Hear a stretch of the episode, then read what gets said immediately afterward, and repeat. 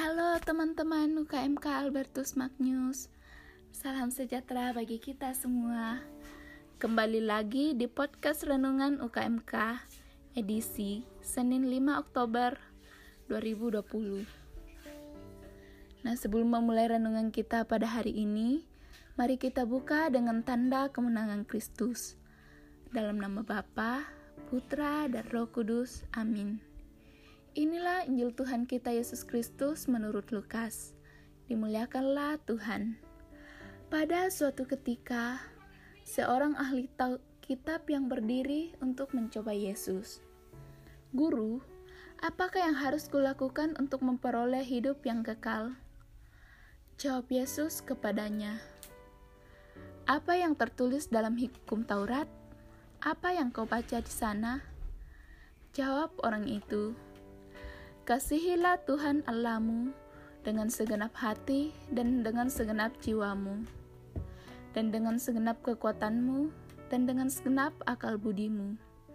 Dan kasihilah sesamamu manusia seperti dirimu sendiri.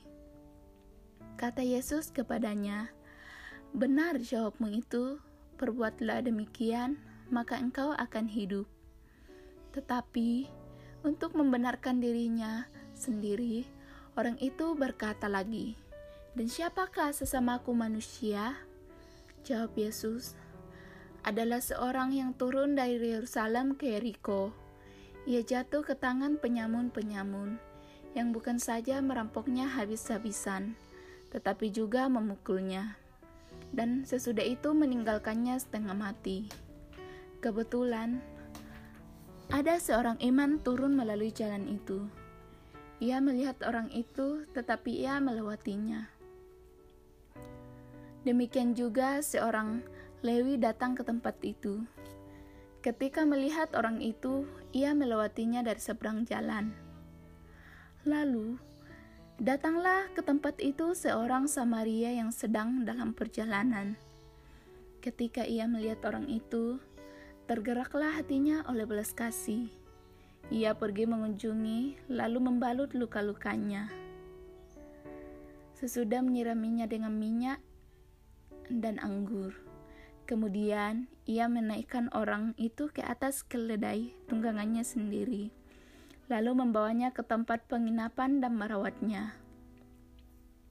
Keesokan harinya, ia menyerahkan dua dinar kepada pemilik penginapan itu, katanya, "Rawatlah dia, dan jika kau belanjakan lebih dari dua nar ini kepada pemilik penginapan itu, aku akan menggantinya waktu aku kembali.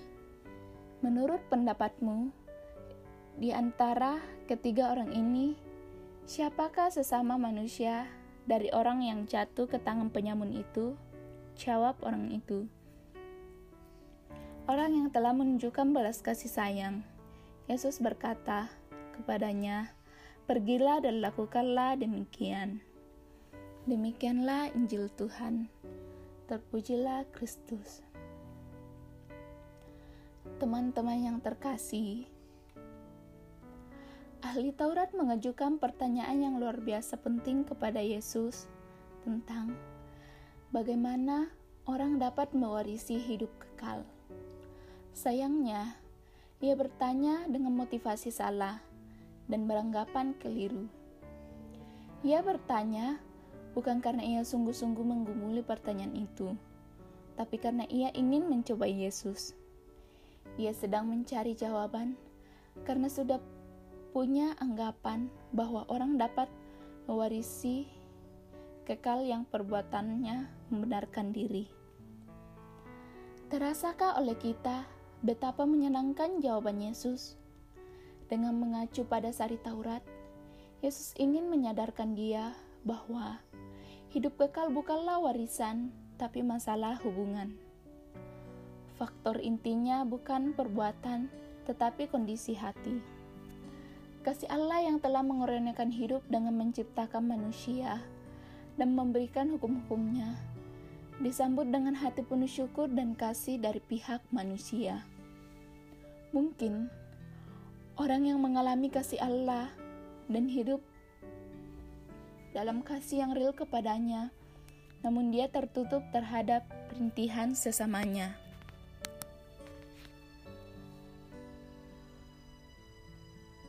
Tidak, sebab kasih kepada Allah pasti akan mengalir dalam kasih kepada sesama. Namun, siapakah sesama yang harus kita kasihi itu? Itu menjadi pertanyaan berikut si ahli Taurat kepada Yesus. Lalu, lahirlah jawaban yang menakjubkan dari Yesus tentang perumpamaan orang Samaria yang baik. Pertama, orang-orang dalam anggapan si ahli Taurat pasti akan benar, ternyata tidak. Kedua, orang-orang yang dalam anggapan si ahli Taurat pasti salah, ternyata kebenarannya karena memiliki kasih. Ketiga, ahli Taurat itu seharusnya tidak bertanya, siapakah sesamanya, tetapi bertanya, apakah ia sedang menjadi sesama bagi orang lain. Nah, untuk kita lakukan,